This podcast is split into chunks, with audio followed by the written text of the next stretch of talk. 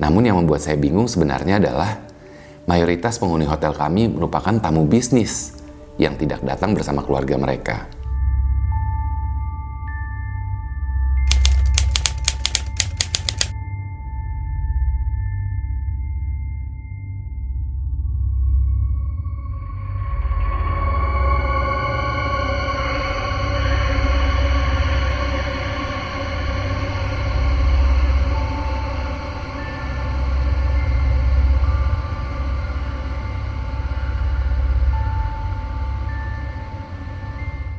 Selamat datang di Laci Kiri.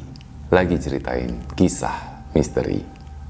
Untuk tayangan audio visual bisa dinikmati di YouTube channel Nico Oliver dan untuk tayangan audio podcast bisa dinikmati di Laci Kiri. Dan untuk episode Laci Kiri kali ini, saya akan bagikan pengalaman yang dialami oleh teman saya ketika dia bekerja di salah satu hotel bintang 5 terkemuka di Jakarta.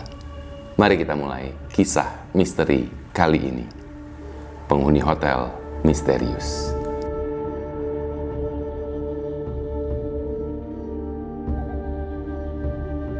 Saya sudah bekerja di hotel ini selama lima tahun.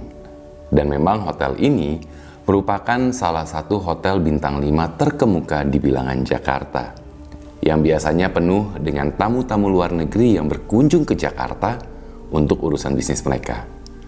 Namun ada satu kejadian yang akan saya ingat hingga saat ini.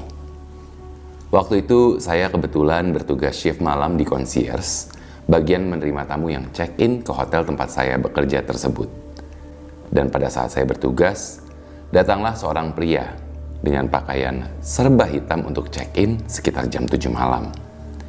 Seperti biasa, saya pun mengurus proses check-in untuk tamu tersebut semua berjalan normal saja, sampai akhirnya tamu tersebut spesifik meminta kamar sesuai keinginan dia, dan tidak mau kamar lain. Yang menjadi kendala adalah saat saya cek di sistem, kamar tersebut tidak dapat disewakan kepada tamu, dikarenakan sedang terjadi kerusakan pada bagian kamar mandinya. Saya berusaha mencoba untuk menjelaskan kepada tamu tersebut bahwa memang kamar yang diminta tidak dapat ditempati karena dalam proses perbaikan. Namun tamu tersebut tetap memaksa. Saya pun mencoba untuk berkoordinasi dengan atasan saya mengenai kondisi tersebut. Akhirnya kesepakatan pun terjadi bahwa kami mengizinkan tamu tersebut untuk tinggal di kamar yang di-request. Dengan kondisi dia sudah mengetahui bahwa sebenarnya kamar tersebut sedang tidak dapat digunakan.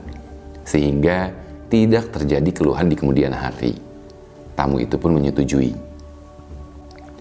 Setelah proses check-in selesai, saya pun memanggil bellboy untuk mengantarkan barang yang dibawa oleh tamu tersebut, berupa satu koper berukuran sedang untuk menuju ke kamarnya. Dan saya pun melanjutkan kegiatan kerja saya seperti biasa.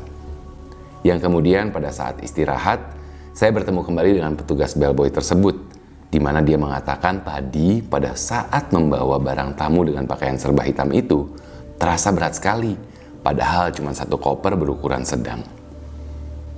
Akhirnya saya pun melanjutkan pekerjaan seperti biasa setelah waktu istirahat berakhir.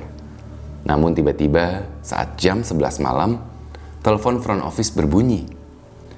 Karena kebetulan saya yang sedang bertugas jaga malam itu, saya pun mengangkat teleponnya terdengar suara pria dewasa dengan bahasa Inggris, yang memang merupakan tamu hotel kami, yang dapat dilihat dari kamar berapa melalui sistem.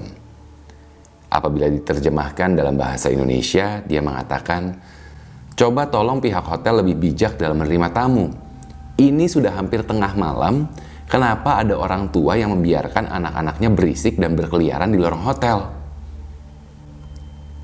Menyikapi hal tersebut, saya pun mengatakan mohon maaf akan mencoba dikoordinasikan dengan petugas yang ada. Namun yang membuat saya bingung sebenarnya adalah mayoritas penghuni hotel kami merupakan tamu bisnis yang tidak datang bersama keluarga mereka. Jarang sekali ada tamu yang menginap bersama keluarganya, apalagi anak kecil di hotel kami pada hari biasa.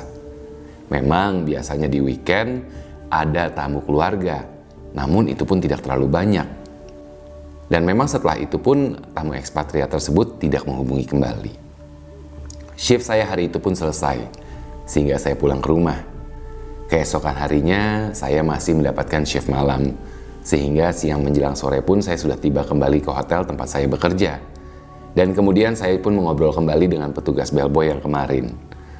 Dan kemudian dari obrolan kami, membahas mengenai tamu hotel serba hitam misterius, dan juga telepon dari tamu ekspatriat yang mengatakan ada anak kecil berlarian. Saya pun teringat bahwa tamu misterius serba hitam itu dan juga tamu ekspatriat yang menghubungi front office menginap di lantai yang sama. Entah kenapa saya jadi penasaran. Akhirnya saya bersama petugas bellboy menuju ruang security untuk melihat hasil rekaman CCTV kemarin. Dan ternyata dalam rekaman saat petugas bellboy membawa barang tamu misterius tersebut sempat terlihat beberapa detik adanya sosok-sosok anak kecil bergelantungan di kereta dorong barang hanya menggunakan pakaian dalam saja atau sosok yang kita kenal dengan istilah tuyul.